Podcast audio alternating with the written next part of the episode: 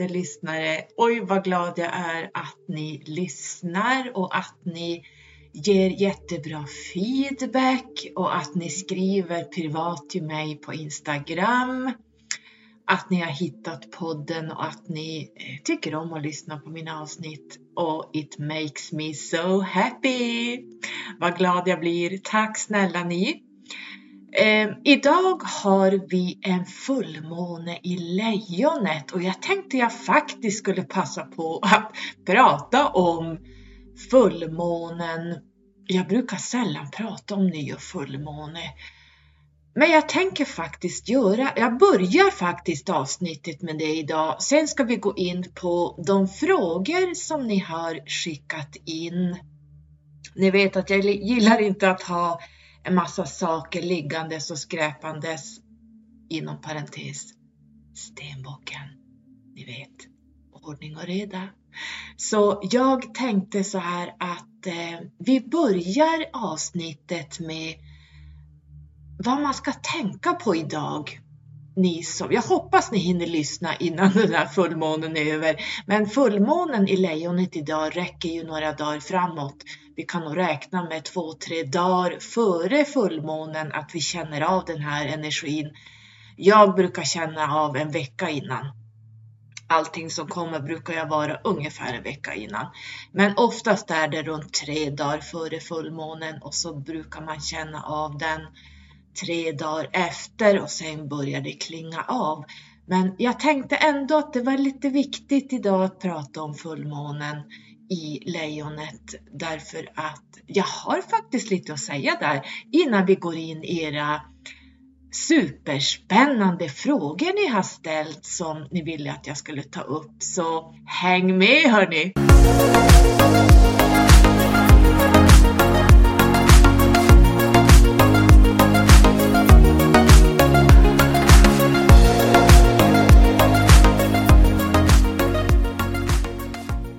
Ja, vi har ju en fullmåne i lejonet och då står ju solen mitt emot vattumannen. Alltså de här är ju motsatstecken till varandra.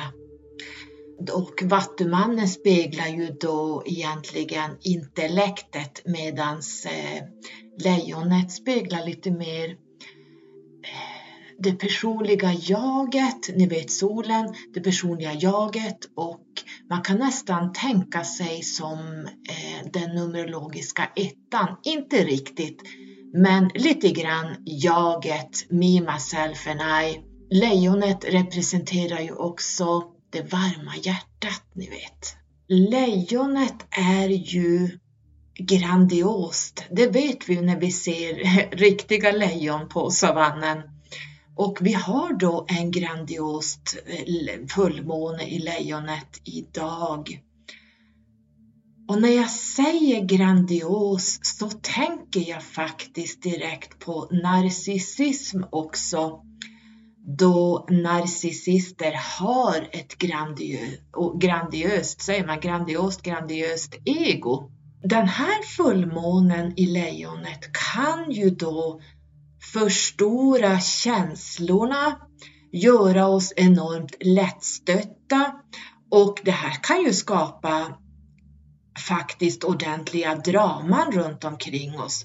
Så var försiktiga där ute att ni inte blir för känsliga och förstorade känslor för att det kan vara svårt att skilja på, är det här verkligen jag? Eh, varför känner jag sådana här dramakänslor? Och lejonet som ni vet styrs ju av solen, Apollon, eh, guden Ra och så vidare. Jag har ju skrivit en artikel kring alla solsystemets planeter och dess gudar så ni kan kika in där lite grann. Eh, och lejonet är ju då ett eldtecken. Vi har ju också faktiskt Venus och Mars, som, där Mars har jagat Venus nu ett bra tag. Och de möts här nu på himlavalvet och de kallas ju för eh, vårat universums kärlekspar. Så här kan man nog räkna med kärlekskänslor bygg tre dagar före och idag eh, och även tre dagar efter. Men så länge de liksom står nära varann. Vi är ju just nu i inspelningens stund i Vattumannen innan vi då nästa gång går in i fisken. Eh, och Vattumannen visar kärleken till det kollektiva egentligen det intellektet eh, egentligen, men egentligen kan man också säga att det blandas lite grann. De här är motsatstecken, så det blir lite kollektivt kärlek också. Medan lejonet tänker på sig själv, på egot och jaget och det här blir ju ganska stor polaritet som då eh, balanseras ut lite grann. Idag så känner vi oss väldigt kreativa, vi har massor av glädje och vi är då lekfulla precis som lejonet är. Därför att lejonet vill bli sedd, lejonet vill bli klappat på och få en massa uppmärksamhet och gärna smicker. Gud vad du är bra! Du är oh my god, I kiss your feet where you go. Så lejonet är lite så Ehm, eh, lejonet lyser ju upp ett helt rum och då menar jag de som är lejonascendenter som jag är. Eh, kanske lejonet i sitt stjärntecken, men jag tänker främst de som har ascendenten i lejonet som jag. Det känns som att det här är min fullmåne idag. Och det här är ju jobbigt för mig att lysa upp ett helt rum. Jag har ju sån tur att jag har Saturnus som bromsar upp det här enorma egot som lejonet faktiskt har. För hur skulle det annars sluta? Ni förstår ju. det skulle bli en enda stor narcissist av allting. Ehm, så min stenbock som då styrs av Saturnus tycker att det är jättejobbigt att få uppmärksamhet så jag bromsas ju tack och lov av mitt stjärntecken eh, stenbocken. Och det här kallar jag balans eftersom det blir lite mera lagomt. Eh, men idag så känner jag att lejonet tar över så jag är all over the place och lyser upp överallt. så att ni förstår att man verkligen eh, eh påverkas av energierna. Både lejonet och lejonets motsatstecken. Vi har ju alltid ett, eh, varje stjärntecken har ett motsatstecken. Till exempel väduren står mitt emot vågen till exempel. Så eh, lejonets motsatstecken är ju Vattumannen och de här två står på 27 grader vardera där fullmånen handlar faktiskt om avslutning. Och två plus 7 blir 9 numerologiskt och 9 står alltid för avslut. Så här ser vi också connection mellan, med vad som händer på himlavalvet. Man kan alltid ta till numerologin och titta lite djupare på grader och vinklar och så vidare. Nu används inte numerologin på det sättet, men jag ser också att de här graderna visar faktiskt på ett avslut just nu. Nymånar är ju alltid en nystart. Här sätter vi ett frö. Och vid fullmåne så ska man tänka, vad behöver jag lämna bakom mig? Vad gynnar inte mig längre? Och här stänger vi dörren, låser och kastar bort nyckeln för att det här behöver inte vara kvar. Bort med skiten.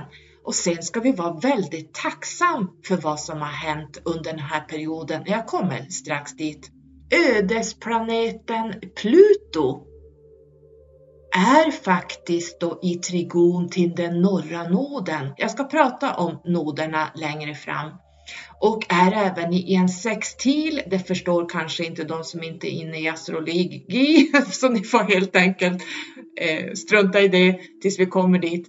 Eh, eh, norra noden, Pluto är i trigon till norra noden och i sextil till den södra noden en utmanande 150 graders aspekt till månen och det här handlar om att släppa taget. För att noderna är ju nu i Eh, kollektivt i eh, Oxens norra nod och i Skorpionen är i södra noden just nu. Så här ska vi släppa taget om skorpionens mörker, det vill säga våra gamla skuggor, våra falska sanningar som vi faktiskt är klara med och vi ska öppna upp oss för oxens vad ska vi kalla oxen, livsbejakelse kanske och den här lejonfullmånens självsäkra passion. Och den här fullmånen öppnar faktiskt en portal till framtiden. Uranus, ni vet att jag brukar prata om att Uranus är uppe, längst upp i kabbalaträdet. Han är direkt till vänster om Keter. Keter är, är ju liksom anden himself. Gud om man så vill, eller det högre jaget. Det beror på hur man ser Gud-konceptet. Jag ser ingen Gud, utan jag ser, eh, jag ser eh, en källa av energier som är utsplittrade på jorden i många olika människor som eh, har olika delar av den här stora anden. Men för att återgå då till Uranus som är eh, högst upp i kabbalaträdet, Uranus och Saturnus. Och Uranus är ju vattumannens styrare. Och i det här fullmåneögonblicket så ser vi 11 grader 11 i oxen. Och 11 11 är ju initieringen av någonting nytt.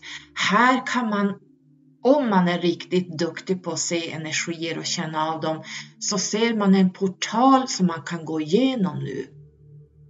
Jag tycker man ska bevaka sig själv, bevaka din själs vilja. Vad vill hjärtat här? Eh, lejonet. Här ska vi bejaka vägen som leder dig hem. Och ovanpå det här så ska vi vara lite försiktiga men vi ska ha lite faith. För att idag har vi den 16 februari. Numerologiskt är 16 en karmisk skuld som kallas, som jag sagt, crash, burn and learn. Lite grann som fågel Fenix. Eh, de som har varit lite för egocentriska i sina handlingar och tänk kommer att krascha och brinna idag. Det, det händer idag. Speciellt med de här enorma energierna i Vattumannen och eh, nodernas placering, eh, fullmånen i lejonet de som har varit lite för egocentriska i sina handlingar och tänk kommer att krascha och brinna likt tornet i Tarot. Som faktiskt också, det är väl en av de få kort som visar på vad Numerologin står för. Det finns inte många kort i Tarot som överensstämmer med Numerologin, men tornet i Tarot är ett av de som stämmer ganska bra. Inte helt, men lite grann att allt rasar till grunden du kraschar, du brinner och du lär dig. Samtidigt så fick jag ju till mig den där natten jag skrev i mitt kollegieblock som jag då har berättat om i tidigare avsnitt samt att jag har skrivit om det på min Instagram för inte allt för länge sedan. Ehm, att 16 står också för Fate over Fear. Så jag hade skrivit så här, You will be tested to have faith. Och här ska vi ta till lejonets mod. Många är vi väl som har funderat på i början för många år sedan när man började titta lite grann på astrologin och ny och fullmåne så börjar man tänka att okej, okay, nu har vi en ny måne. Och så tänker man efter eh, alla de här dagarna har gått tills månen är full igen då ska det manifesteras, men ingenting händer. Och då kan jag tala om för er varför. Det var några år sedan jag upptäckte det här, eh, men jag tänker att det är kanske inte alla som vet det, så jag tänker att jag passar på att säga det nu. Därför att vi måste titta när vi hade nymånen i lejonet sist. Så nu har jag plockat upp min, jag har en bok där jag skriver in alla nymånar. Jag har, jag sitter och bläddrar här. Äh, nymåne lejonet, nu slår jag upp direkt på rätt sida. 19 i 8 2020, då hade vi nymåne i lejonet. Och sen tittar jag igen, då har jag, hade vi nymåne i lejonet 8 i 8 i fjol, 2021. Och då hade vi även vad som kallades en lejonportal och det innebär att Sirius stod öppen och nådde ner hit och jag har skrivit på Instagram om den här portalen och några av er fick följa med upp till den här Siriusportalen. Jag gjorde någon form av kanalisering upp dit. Det som hände i den nymånen i Lejonet den 8 augusti 21 är det som avslutas idag där vi har fullmånen i Lejonet 2022. Så så här länge tar det för en nystart, nymåne i Lejonet tills det blir fullmåne i Lejonet. Då avslutas det fröet du satte i nymånen i Lejonet den 8 8 21. Det avslutas idag. Det som inte manifesterades, eller som du ser kommer nu eh, längre fram här, kommer inte det du satte in och önskade in i nymånen i lejonet i augusti i fjol, då är det sånt som ska bort, det ska brännas bort. Det är inte meningen att det ska följa med i det här livet eller i det du kan visualisera och vill ha in. Det är inte meningen att det ska in. Det kommer att falla bort. Så därför säger jag att man ska låsa nyckeln till den här dörren och kasta bort den och börja tänka nytt i nya banor Idag så manifesteras det du satte igång i nymånen i lejonet 8 augusti 2021. Samma gäller om vi har haft en nymåne i, ja vad ska vi hitta på, eh, väduren.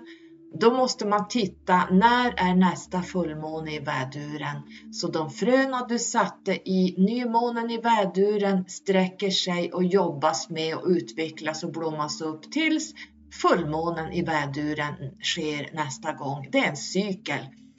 Och det som inte manifesterar sig där, det kommer att falla bort och brinna upp.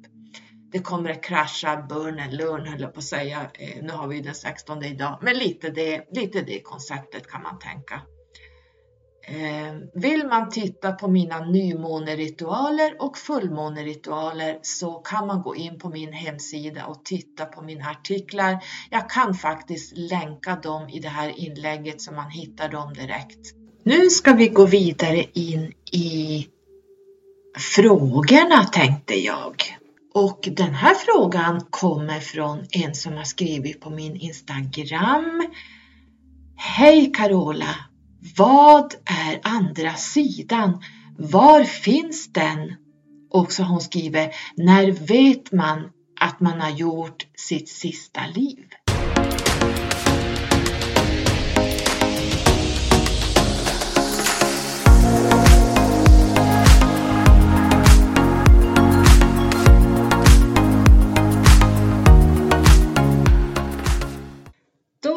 Tänker jag att vi vänder på din fråga. Vad var det det stod nu igen? Vad är andra sidan? Var finns den? När vet man att man har gjort sitt sista liv? Just det, vi börjar med sista livet som jag då tänker inte gå så djupt in i för då blir vi aldrig klara. Ni vet, jag kan prata i 57 timmar. Ehm, däremot kan man titta titta, eller förlåt, lyssna på avsnitten när jag pratar om astralplanet och jag pratar om dimension 4. Därför att på det här planet så ligger vad man kallar andra sidan och det här är nivåer av utveckling. Andra sidan är en väldigt, väldigt låg nivå. Det är en karmisk nivå. Men vi, vi börjar och säger så här att själen som sådan är karmisk. Här kan man ta kabbalaträdet som eh, vägledning där man ser de här nivåerna man ska gå igenom för att ta sig tillbaka och ur från andra sidan. Hoppas du förstår hur jag menar. Du kan, du kan gå in på min hemsida och titta på kabbala, vad jag skrivit om kabbala. Men själen behöver då som sagt var inte en dualitet för sin utveckling egentligen. Därför att själen behöver utvecklas ensam mot det högre jaget. Ehm, vi kommer dit i nästa fråga, men jag vill bara belysa att själen är karmisk. Och den behöver inte vara här om den inte har en massa skulder och karma med sig. Jag har pratat tusen och en gånger om det karmiska hjulet som bara går runt, runt, runt i det här solsystemet. Eh, man kan titta astrologiskt på det här, man kan titta på månnoderna, månknutarna där, där vi har karma, eh, både kollektiv och personlig karma. Man kan titta på det numerologiska själskontraktet. Där hittar jag karmisk skuld och jag hittar vilken karma man har med sig ner från tidigare liv. Så det sista jordelivet innebär att när man har nått nivån att man har avslutat en livsväg 9 till exempel. Man har gjort om livsväg 1 massor med gånger. Sen har man testat livsväg 2 och livsväg 3, livsväg 4, 5, 6, 7, 8 och 9 och 9 innehåller alla andra livsvägar i sig. Men det innebär ju att i varje liv så samlar du på dig skuld.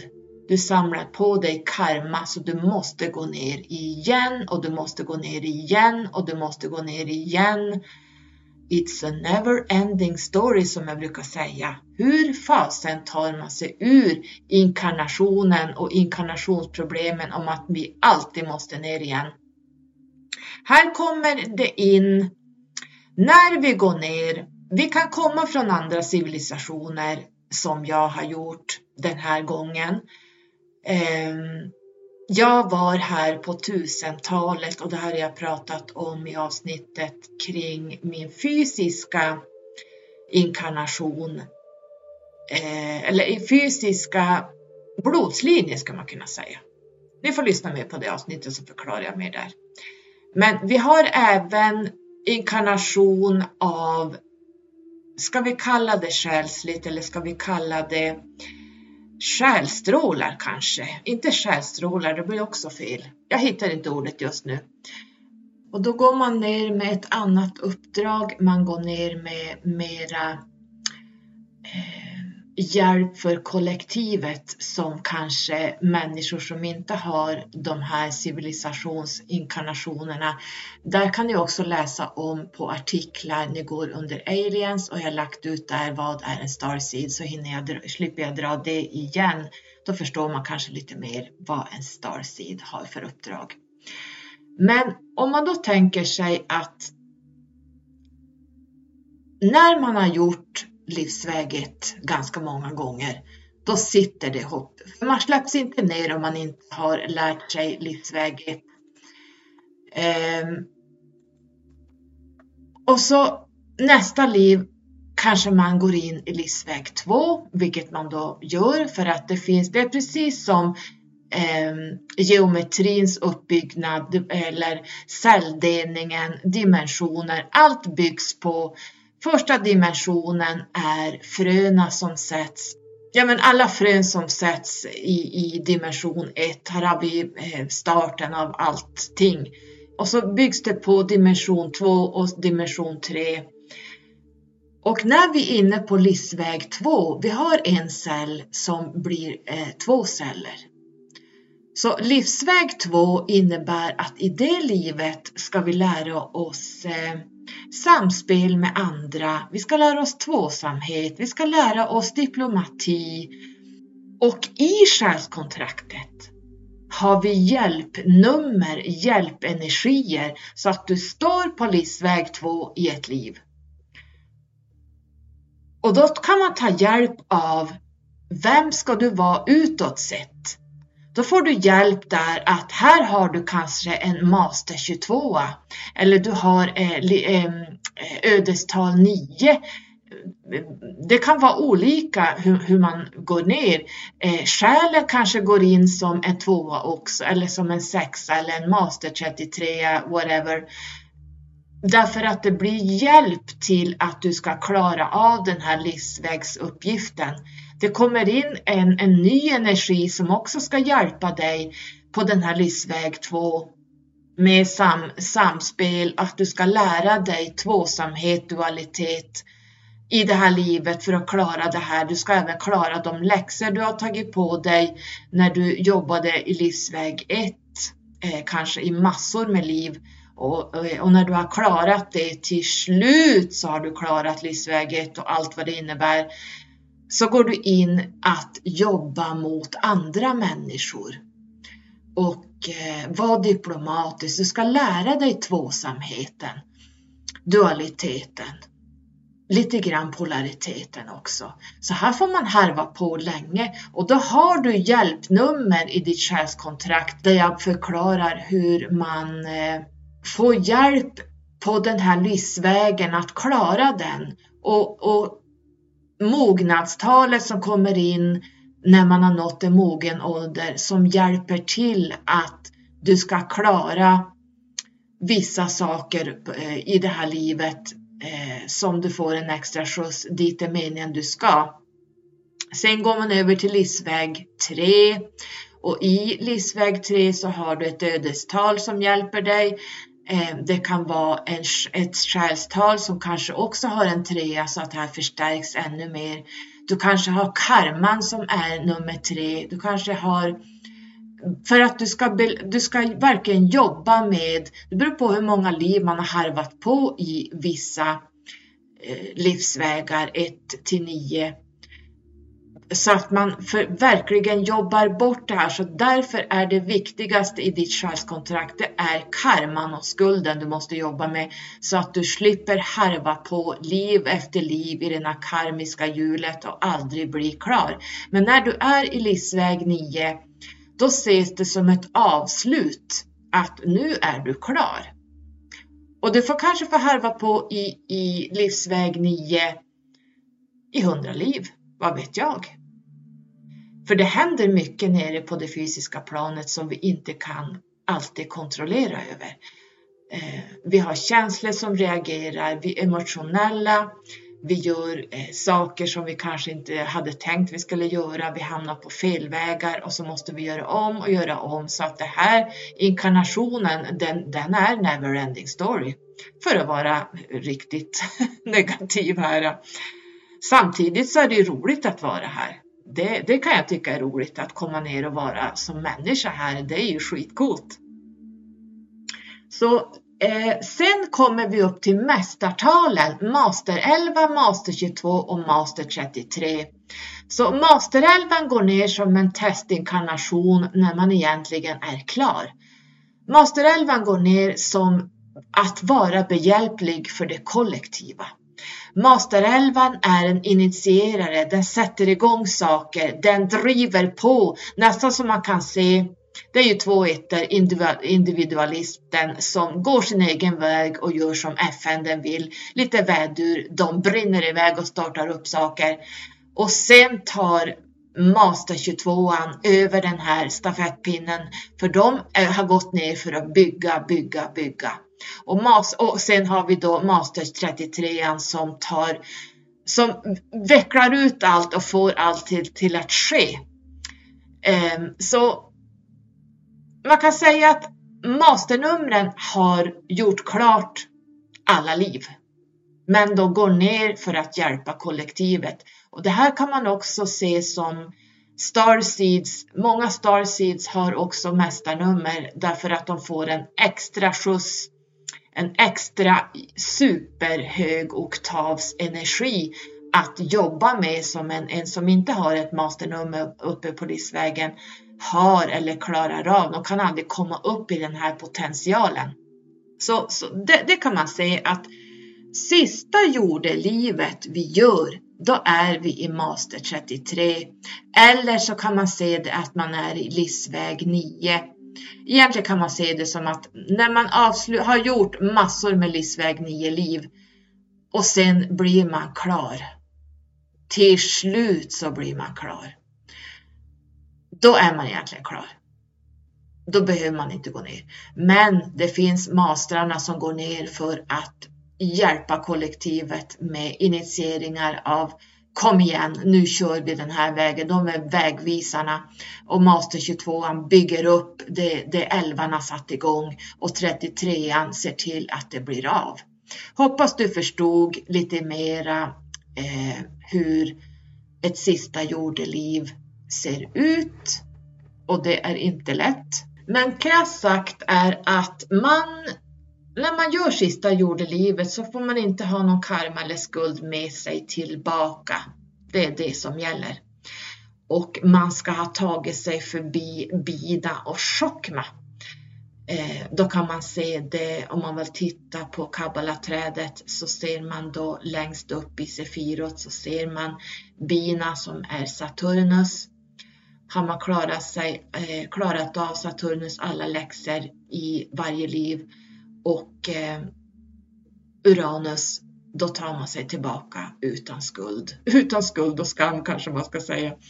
Eh, men då har man, då har man inga eh, karmiska läxor eller karmiska skulder med sig tillbaka. Men själen behöver absolut inte någon annan människa för att utvecklas eh, överhuvudtaget, utan själen måste jobba själv. Jag brukar säga att du ska leva ditt eget liv för du ska dö din egen död. Du kan inte ta med en annan person och hålla på att spegla dig i någon annan för då är man nere i tredimensionella eh, kärleksträsket där man absolut inte har gjort sin personliga utveckling eller nått en högre nivå. Man har inte ens nått till en själslig nivå utan man är nere och grottar in sig i Åh, jag måste ha en man, jag måste ha en kar och jag måste bo med någon, jag måste leva med någon och jag klarar mig inte att bo själv och jag måste ha någon att älska och jag måste ha någon som älskar mig. Åh, man bara jagar män eller man bara jagar kvinnor genom hela livet. Man känner att man inte är hel. Det har inte med en annan människa att göra utan när man är hel, då har man läkt sitt inre. Och det handlar inte om att ha någon man, annan människa i sig.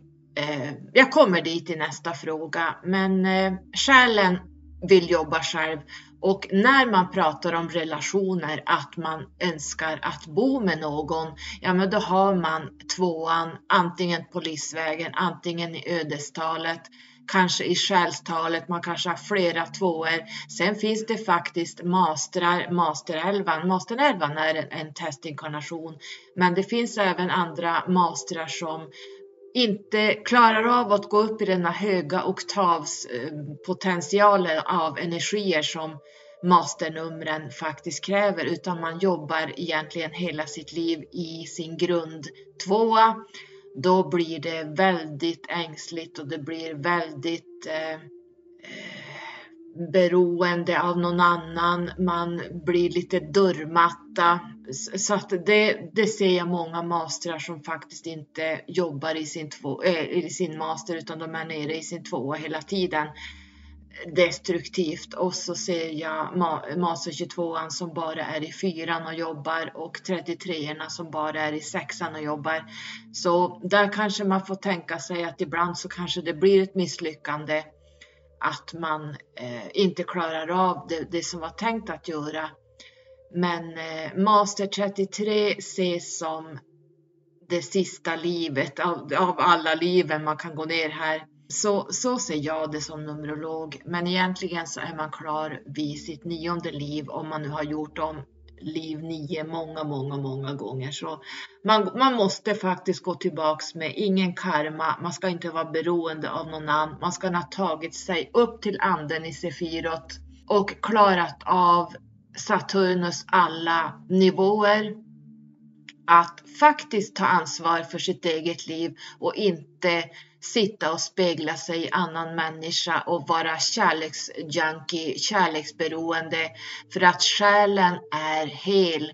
Själen behöver egentligen ingen annan för att känna sig hel.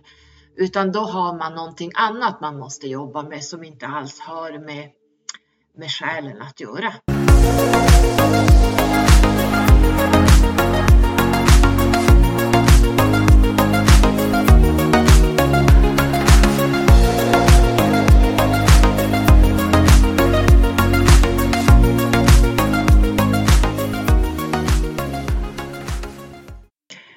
Fortsätter vi med din fråga. Vad är andra sidan och var finns den?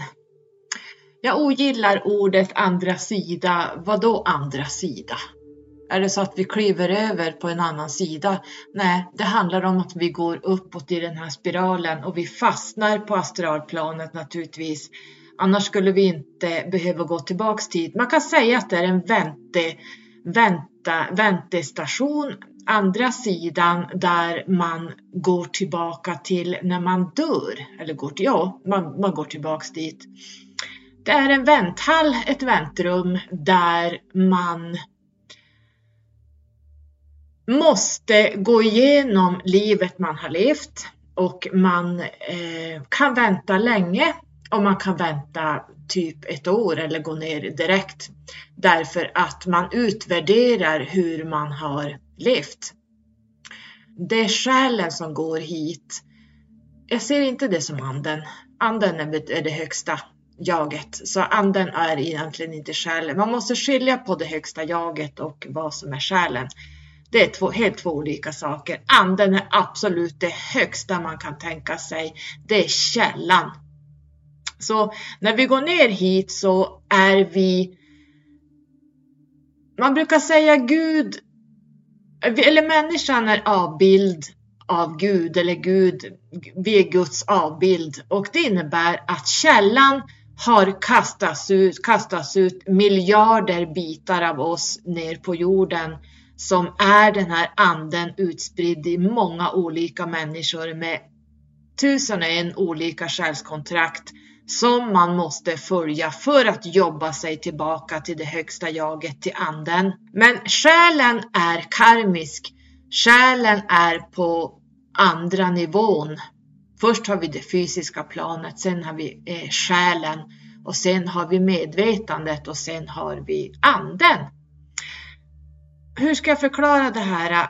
Fjärde dimensionen har jag ju pratat om tidigare och astralplanet. Andra sidan som jag nu aldrig någonsin använder annat än när jag måste.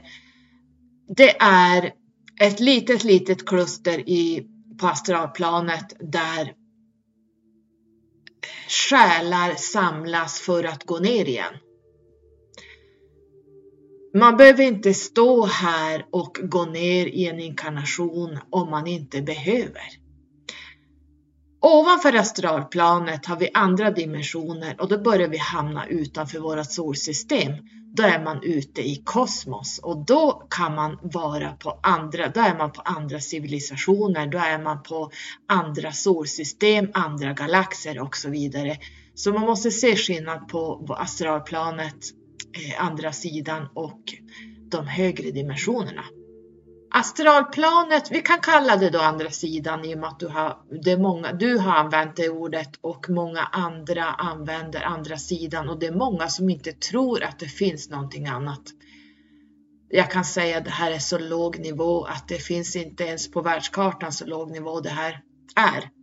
Kanaliserar man då andra sidan. Jag kan tycka att de är roliga att lyssna på. De brukar komma in ibland och prata. Ibland så är det flera som pratar med varandra. Det kan vara eh, tre kvinnor som pratar med varandra och det kan vara helt random saker. Det kan vara roligt att sitta och lyssna om vad de pratar om. Det, är helt, det kan vara helt vardagliga saker. Eh, så kan jag höra två till som pratar eh, på ett annat ställe i huvudet där de diskuterar någonting annat. Och ibland kan det vara roligt att lyssna på dem för jag vet ungefär vilken nivå de är på. Och kanaliserar man andra sidan eller tar vägledning från dem så ska man veta att de har inte en högre medvetenhet för de har inte tagit sig upp till medvetandet. Utan de har en medvetenhet av den livsvägen och det de har jobbat med här nere, det själskontrakt de har haft och det de har eh, lyckats åstadkomma och eh, det de inte har lyckats med. Det är där de är. Så det kan vara att om jag kanaliserar morsan till exempel, då vet jag vad hon kan. Jag vet vad hon har pysslat med i tidigare liv. Jag vet vad hon har pysslat med i livet hon levde. Och jag kan inte få någon, någon högre hjälp av henne för att hon har inte i det liv hon levde har jag betydligt mer, jag har ju hunnit upp till medvetandet och är inne i anden av och till. Ehm, jag kan ju inte kanalisera morsan och säga, be henne om råd för att eh, hon har misslyckats med vissa saker som jag vet att här kan jag inte hämta hjälp. Så man ska inte tro att de här vet mer på astralplanet än vad vi vet här nere. Det beror på hur mycket kunskap man har själv och hur långt man har kommit. Är du en master 11 eller en master 33 eller du är en eh, i livsväg 9. Morsan var, hade kommit till livsväg 3 så ni förstår, hennes kunskaper om resterande livsvägar fanns inte i henne, så hon har många inkarnationer och det betyder att jag som hennes dotter i det här fysiska livet har kommit längre, betydligt längre än vad hon har gjort och jag har varit då hennes lärare genom hela hennes liv och jag kommer också, jag har alltså Sirian Starseed. Eh, eh, jag kommer ner från Sirius. Eh, det är svårt att förklara det för att folk ska förstå. Man måste nästan läsa på min hemsida vad det innebär att vara en Starseed. Så att eh, jag kan inte hämta hjälp från morsan till exempel eller min farmor för att de har den kunskapen där uppe som de hade här nere. Däremot kan vi hämta kunskap galaktiskt. Vi kan gå in till högre dimensioner och högre civilisationer, till exempel Sirians. De är på en sån hög nivå att det går, det, alltså som människa att kanalisera dem. Oh my god, alltså de är ju så avancerade att det är svårt att återberätta det de säger för att det, det ska ju då filtreras genom mig och jag då som fysisk människa ska försöka göra om det här till ett, så att en, jag som människa här nere kan förstå vad det är de säger. Så det är inte plätt lätt att prata med så här avancerade civilisationer.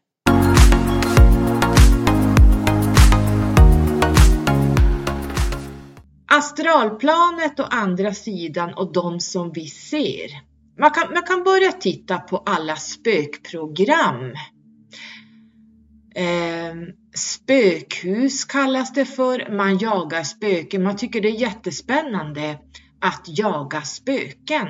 Varför skulle det vara spännande? För det första blir min tanke. Eftersom vi alla vet att vi går tillbaks, eller själen går tillbaka till ett visst stadium för att komma ner igen. Och de som inte har gjort den här utvecklingen, de tycker att det här är jättekult att jaga andar. För mig är det här så låg nivå att jag vill inte ens ta i det här. Men eftersom vi nu, jag nu ska försöka förklara så om man går in i ett hus där det anses, eller ett slott eller vad det nu kan vara, att det kan vara i mitt hemråde. Mitt hem brukar jag säga är helt paranormalt. Här händer allting. Tänk om man skulle ha sådana spökjägare hemma hos mig. Oh my god vad de skulle få utslag. Alltså om ni visste allt som händer här. Jag tycker det är lite roligt. Eh, jag gillar det samtidigt som jag brukar städa bort ibland viss skräp som, som kommer in här. Men oftast tycker jag det är lite roligt. Ehm, men de är här. Fjärde dimensionen är här på vårt fysiska plan. Den är osynlig för de fysiska ögonen om man nu inte är medial. Då kan man se dem. Men de som inte är mediala, de ser inte det här skiktet. Det här är som en tunn slöja där de vandrar och går de fortsätter sina liv i samma lägenheter, i samma hus, på samma ställen de har varit i sitt fysiska liv. Så de är här och det är därför man på de här spökjakterna kan förnimma och känna av de här som är där och håller på. Därför att de är kvar. De går i de här spökhusen. De är hemma hos dig, de är hemma hos mig, de är på gator och torg. Och jag ser dem, men det här ser ut som, Um, hur ska jag förklara, det är en an, det är väldigt, man ser det lite tunnare, det är helt andra färger och det finns absolut ingen tid. Så när de går där och vandrar i, här på jorden fast i det astrala planet. Jag hoppas ni förstår hur jag menar här. Jag känner att jag är... Oj, jag måste klia ögonen här. Eh, jag känner att jag kan inte förklara det. Jag vet inte hur jag ska förklara det. Eh, det, det, är nästan inte som ett hologram, men ja, lite ditåt. Det är ungefär som eh, Sirians till exempel, min, min själsgrupp från Sirius. Det, de kommer, det finns ju inga sådana som håller på och åker ufos hit, att det liksom, de kommer med ufos, men glöm det, det här är bara påhitt. Sirians, när de är här så är det hologram. De visar sig ett hologram. Det är någonting helt annat. De åker inte omkring i några jäkla silvriga skepp eller guldskepp utan de kommer ner hit som ett hologram och visar sig. De har, eller här nere är det för tung densitet. De kan inte vara här fysiskt. Sen Grace till exempel är ju fjärde och tredje dimensionens, eh, vad ska man kalla dem för, robotar. De är artificiella, många av de här. De kan vara här fysiskt, men de kan också göra sig osynliga. Deras skepp kan liksom eh, bli som ett moln till exempel, att de inte syns. Så det här blir en helt annan historia. Men astralplanets andra sida, fjärde dimensionen, är här på det fysiska planet, här på jorden, där vi, där de går och är och lever. Precis där vi sitter och är as we speak. Ibland känner vi dem, ibland hör vi dem, ibland ser vi dem. Jag kan nog dra på alla de här sakerna på en gång. Jag vet precis vilka som är här och vandrar. Och varför är de här och vandrar? Jo, de återlever sina liv här. En del vet inte om att de återlever sina liv, en del vet det. Men de, de går här och gör en review. Det här är som en vänthall där man gör en review där man eh, går igenom sitt liv. Det är därför också de gånger ni som har haft nära döden upplevelse i, jag har ju varit med i trafikolyckor och så vidare, där man har snurrat runt på taket och, och då har livet gått i review. Hela livet spolas om och det är precis det som händer när man går över till vad de människor kallar andra sidan. Jag kallar det eh, fjärde dimensionens ventall, eh, astralplanet. Så jag hoppas du förstår lite grann att det ser precis ut som här. Det ser ut som ett hologram, fast det är inte ett hologram. Jag vet inte hur jag ska förklara det. Det är tunnare, det finns inte lika mycket färger. Men de lever och vandrar här på jorden precis som med oss. Och det är därför vi har dem i våra hem. Det är därför man kan gå in i spökhus och känna av dem för att de är och håller på. Sen finns det naturligtvis eh, själar som har eh, mörka sidor, men då hamnar vi in på någonting helt annat som jag inte hinner ta idag. Men jag tror att det var det jag ville säga. Annars får man lyssna på tidigare avsnitt. där Jag pratade om astralplanet och eh, fjärde dimensionen. Så hoppas jag att du blir nöjd med det svaret.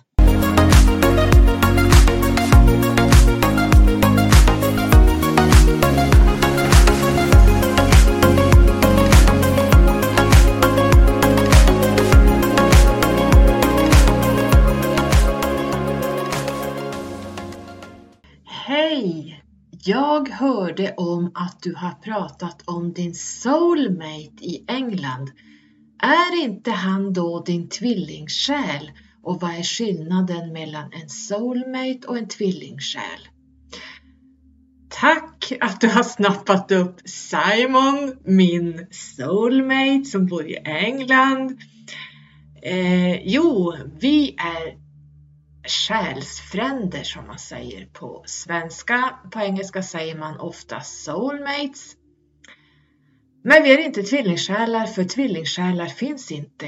Ehm, jag ska strax berätta för dig varför. Därför att en tvillingsjäl är ett mänskligt påhitt som har gått viral. Jag tror att man brukar referera till någon som har skrivit en bok om tvillingsjälar och därmed har det blivit en sanning. Och eh, det här är inte riktigt, eh, eller inte riktigt, det är överhuvudtaget, det finns ingen sanning i det här whatsoever. Man brukar säga att man har karmiska relationer och man har soulmate eller själsfränderelationer. Men själsfränderelationerna kommer från själsgrupperna. Jag har pratat om det här, tror ni jag kommer ihåg var det, vilket avsnitt det var?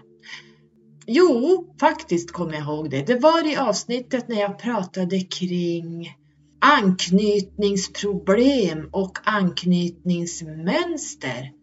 Jag tror det var sista delen i det avsnittet men tyvärr så minns jag inte vilket avsnitt eller i vilken säsong. Men vi får väl något sånär ta det igen och det är att alla relationer har en, vad ska vi säga, själslig nivå, en dualitet, en polaritet egentligen vilken relation man än har, så om det är karmiskt, så kan man någonstans prata djupt med den man är tillsammans med. Man öppnar sig så småningom från den här personen man är tillsammans med och det gör man även för karmiska relationer. Man släpper fram sina innersta känslor, man släpper fram sina innersta hemligheter. Annars är det ingen kärleksrelation, vare sig den är karmisk eller om den är soulmate på själsliga planet så att säga. Hur ser det ut om det inte är det? Ja, men då kan man tänka sig kallt sex, one night stand, en djup djurisk passion, eh, sexualdrift, kötsligt, åtrå, reproduktion, alltså att vi ska fakt det här är faktiskt vår egentligen huvuddrift som människor för att vi ska reproducera oss. Djuren pysslar ju med det här, många av dem. Ehm, det, det handlar om när, när de har parningsdags, eh, alltså på, när fåglarna ska eh, ha ungar på våren, då har de en parning som sker och sen en del fåglar hjälps åt att föda upp de här eh, kycklingarna, eller på att säga. föda upp sina ungar. Eh, många fåglar följs åt hela livet medan till exempel andra djur inte gör det. Hundarna till exempel, jag har ju haft dobermans i 16 år. Och då har tikarna sina löpperioder två gånger per år, ibland tre men oftast är det två. Och då eh, är det dags för reproduktion. För att inte rasen då ska dö ut. Och då kan man också titta på alfatikar. Alfatiken i en flock, det har jag pratat om tidigare, alfatiken i en flock är den som är utsedd som ledare. Hon är liksom, hon har starkast gener och den som har starkast psyke, starkast gener och starkast allting, det är den som blir alfatiken i flocken. Det är hon som endast ska reproducera så bra avkommor som möjligt. Men då har man de andra tikarna i flocken. De blir skendräktiga och får mjölk i djuren. Och varför får de det tro? Jo, det är för att om det händer alfatiken någonting när hennes eh, valpar är födda så ska någon av de här tikarna i flocken kunna ta hennes ställe och dia de här valparna så att de inte går förlorade. Så, så har djurvärlden gjort det. Nu hamnar vi på ett litet sidospår, men jag ville bara visa hur djuren eh, använder det här alltså de, eh, en hund som, som eh, Först så hugger hon till hannen. Hon hugger, han får inte komma nära överhuvudtaget. Alltså hon kan, alltså jag har sett mina dobbystikar, alltså de har ju ordentligt tryck i munnen. Tror de har 750 kilos tryck i när de biter. Och när de biter till, om inte hannen backar, då åker han på stryk. Och jag kan säga det är alltid en tik som leder i en flock hemma. Ehm, men när hon kommer till en, en max två dagar när hon är parningsvillig, då är då hon släpper äggen och då eh, ställer hon upp. Då letar hon upp hanen och ställer upp sig och så blir det en eh, parning som sker. Sen kan den här hannen dra käpprätt åt skogen för hon behöver inte han mer. Så, så fungerar det kring eh, det djuriska. Så eftersom vi vet nu att själen är karmisk, när själen går ner tar den med sig karma ner, eh, både kollektiv karma och sin egen karma och skulder. Själen enligt de som nu eh, pratar om tvillingsjälar så delar sig själen i två delar och det här är ju så felaktigt att man, det ryker i öronen när jag hör sånt här. Så du ska inte tänka att din själ är att du går omkring och är halv. Det finns inga, inga människor här som går omkring och är halva själar och att man ska springa i livet och leta rätt på den andra delen av sig själv. Alltså ni hör ju hur sjukt det här är. Det här är ju bara påhitt av människan som har blivit någon trend. Själen är alltid hel och däremot är vi här i olika själar, eh, individer från det högre jaget, från Guds, Gud och källan. Det och alla vi ska jobba oss tillbaka genom, genom den här inkarnationsprocessen i olika livsvägar för att jobba tillbaka till eh, Keter, till eh, källan, Gud, anden, det högre jaget. Så så funkar det.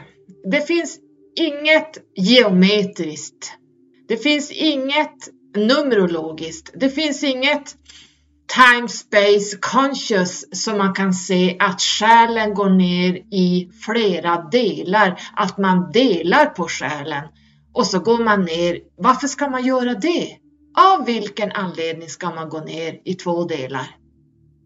Utan där du ska spegla dig i om man är på tredje dimensionen, alltså att man befinner sig på den lägsta nivån medvetandemässigt, eh, då håller man på mycket kring relationer.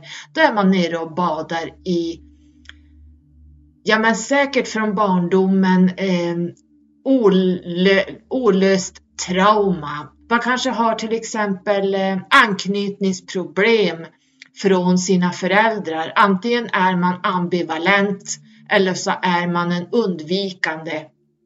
Jag pratade om det här tidigare och det vi har med oss när vi går ner här, det kommer att spegla hur vi kommer att söka hjälp hos andra att spegla oss i. Vi speglar oss i kompisar, vi speglar oss i våra föräldrar, framförallt våra föräldrar.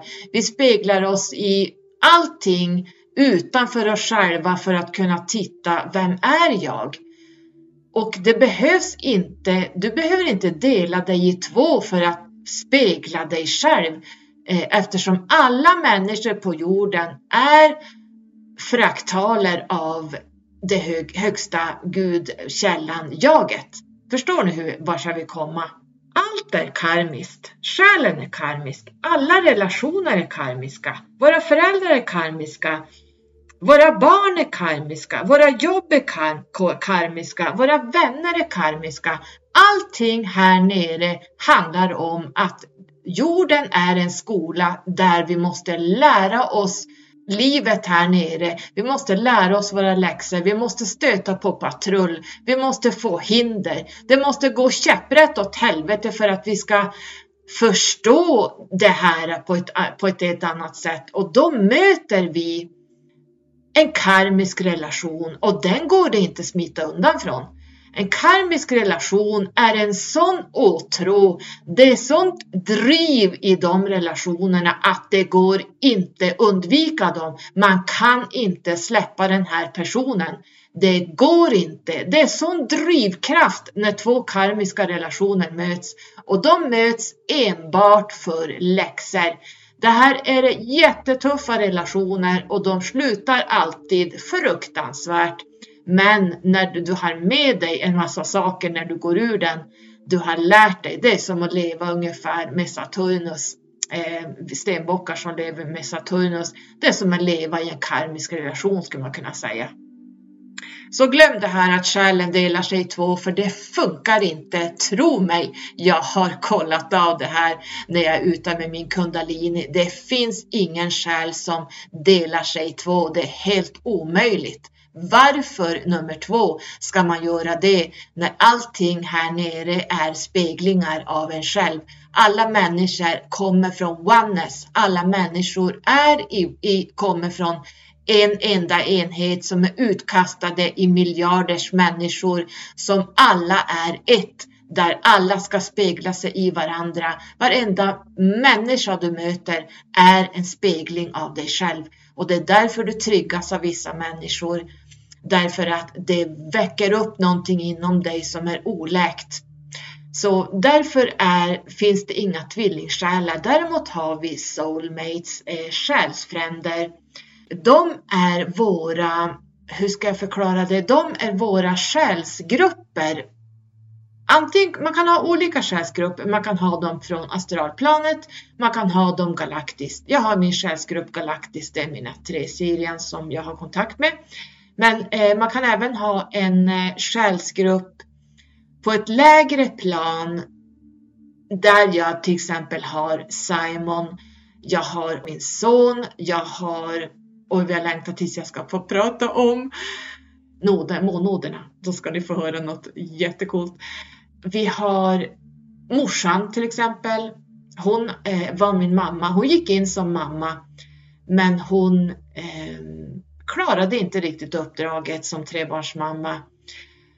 Så det var ett test för henne att testa det. Det var en, ganska tufft gjort för en livsväg 3 att, att göra det.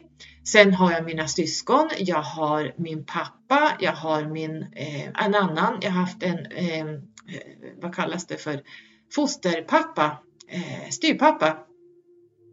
Som också är med i den här själsgruppen eh, som har betytt väldigt mycket för mig i mitt liv under 26 år.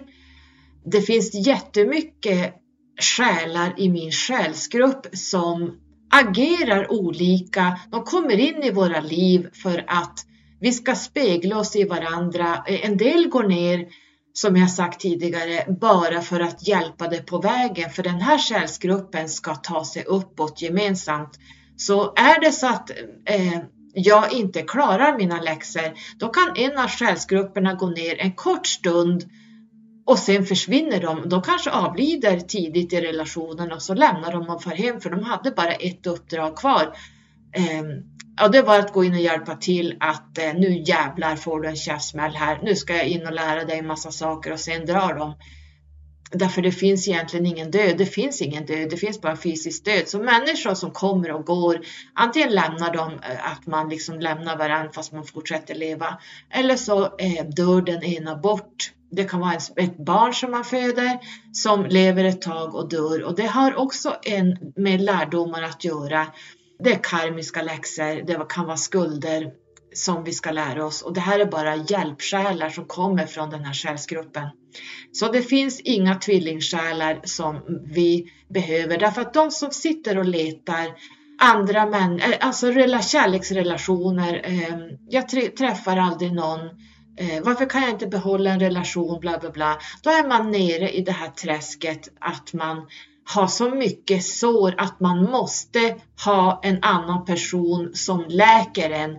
Man klarar sig inte utan en annan person för man är inte hel om man inte har en annan person som älskar en villkorslöst utan det ska, det ska man veta att du är hel, hel och ren.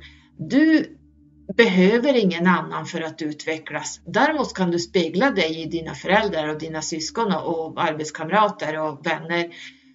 Men du behöver egentligen inte någon annan för att själen och du ska leva ditt eget liv för du ska dö din egen död. Allt det du lämnar här, det lämnar du här nere. Eh, det handlar bara om att man måste läka sitt inre, man måste läka sina trauman och när man har gjort det har man absolut inget behov av att ha en kärleksrelation. Titta på mig! Ja, alltså det, inte, inte ens som Jason Momoa skulle knacka på dörren. Jag skulle absolut tycka att han, alltså han är jättevacker, han är ju wow. Men jag vet att jag skulle inte vilja vara tillsammans med honom därför att jag orkar, jag, jag, vill inte ha en relation, en kärleksrelation.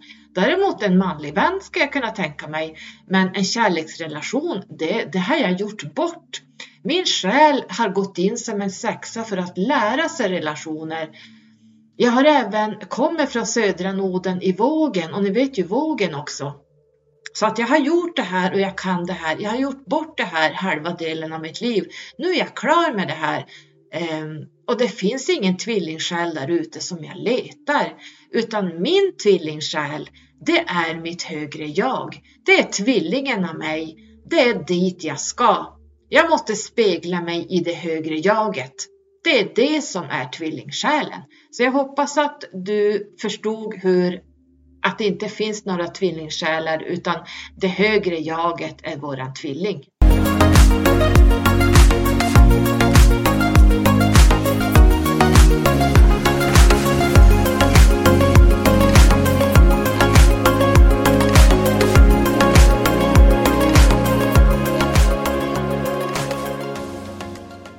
Så när man har jobbat bort, gjort den personliga utvecklingen och faktiskt jobbat med den själsliga utvecklingen, då har man gått förbi det här relationsträsket att hela tiden söka hjälp i någon annan, att man måste ha kärlek från någon annan när det är du själv som besitter all den här kärleken. Allt det här finns inom dig, men du är så pass trasig Ehm, allt vad vi ska kalla det här så att du klarar inte av det. Men när du har jobbat uppåt eh, och läkt dig inifrån och ut så ser du att du behöver inte hämta kärlek utanför dig själv. Du behöver inte få bekräftelse. Du behöver inte från en man eller en kvinna, vad man nu föredrar. Man behöver inte ha en kärleksrelation när man är läkt inifrån och ut.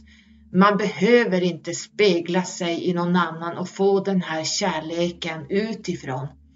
När man har kommit så pass långt att man har lämnat det här kärleksträsket och man har jobbat upp i själen och läkt det som behöver läkas där, då kommer man upp i medvetandet. Då har man inga behov av, som jag sitter, jag, jag, jag skulle aldrig kunna, jag har inget behov av att ha en man i mitt liv.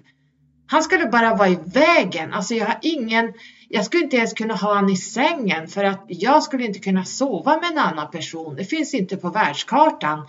Eh, han ska störa mina nätter och snarka och vända på sig. Jag kan inte gå och lägga mig när jag vill för då stör jag eller så stör han mig. Jag kan inte göra någonting här hemma eh, utan att jag måste involvera mig i någon annan person. Jag är så pass självständig idag att det funkar inte i mitt liv. Alltså ligga tillsammans med en annan person i samma säng. Det innebär att våran aura ska, jag ska tanka ner allt hans skit han har i sin aura och liksom beblanda mig med det hela natten. Nej, nej, nej, det låter hårt, men här kommer man till slut när man är en egen individ man lever sitt eget liv och man dör sin egen död. Man är självständig, man är så stark, man har sån power innanför.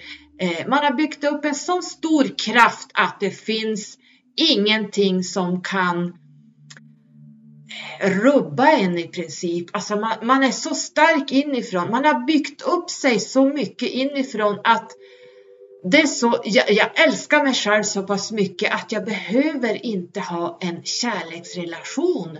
Däremot vill jag ha bolla med mina bästa vänner. Jag vill bolla med folk där ute, olika åsikter, eh, olika tänk, olika saker som hjälper kollektivet. Det är en annan femma. Att ha diskussioner med människor, men det är, någon, det är en helt annan nivå. Där vi är uppe i mindet och där är vi nästan tillbaka i anden. Ibland blir jag nästan rädd för min egen personliga kraft. Den är så kraftfull att jag ibland måste backa ur mig själv för att jag har så mycket ande i mig emellanåt att det, det är som power. Det är som när man går ut med sin kundalini. Det är sån kraft att Alltså det här, det här ryms inte i kroppen, den här eh, kraften, den, den personliga powern man har. Att man ibland blir så här, shit, folk klarar inte det här.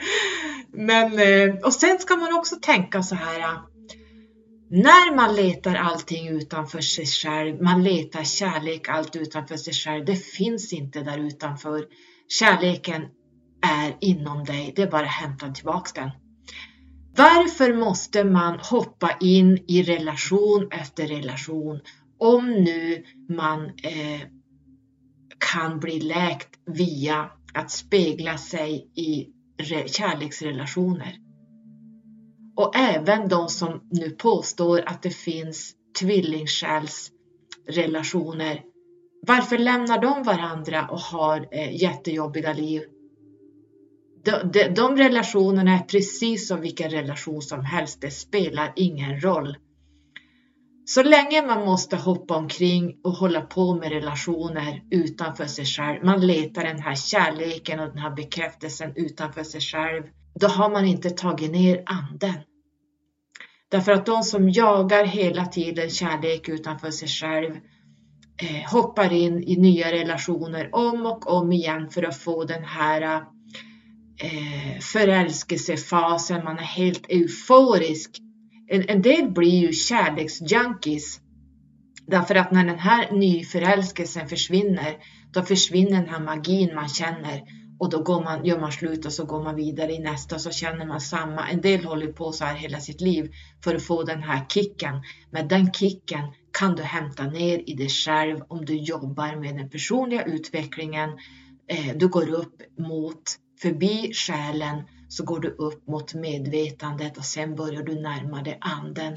Då kommer det här ner genom dig. Det är där du ska hämta kärleken.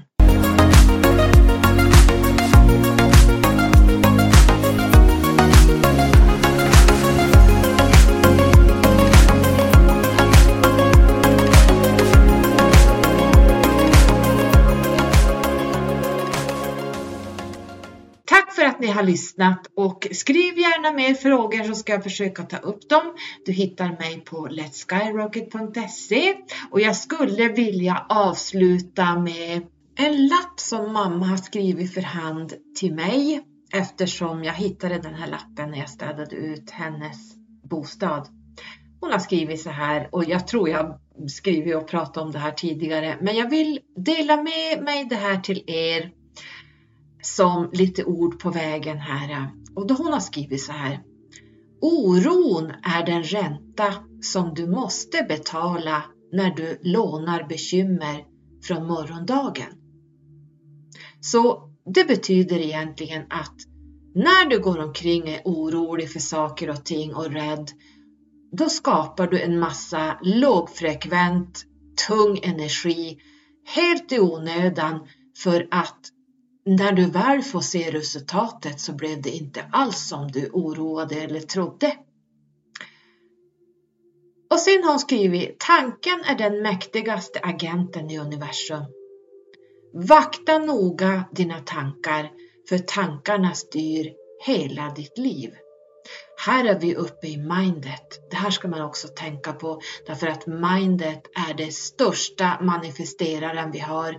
Ehm, allt det vi tänker, det manifesterar sig. Människor är ungefär så lyckliga som de bestämmer sig för att vara. Tack för att du har lyssnat. Hej då!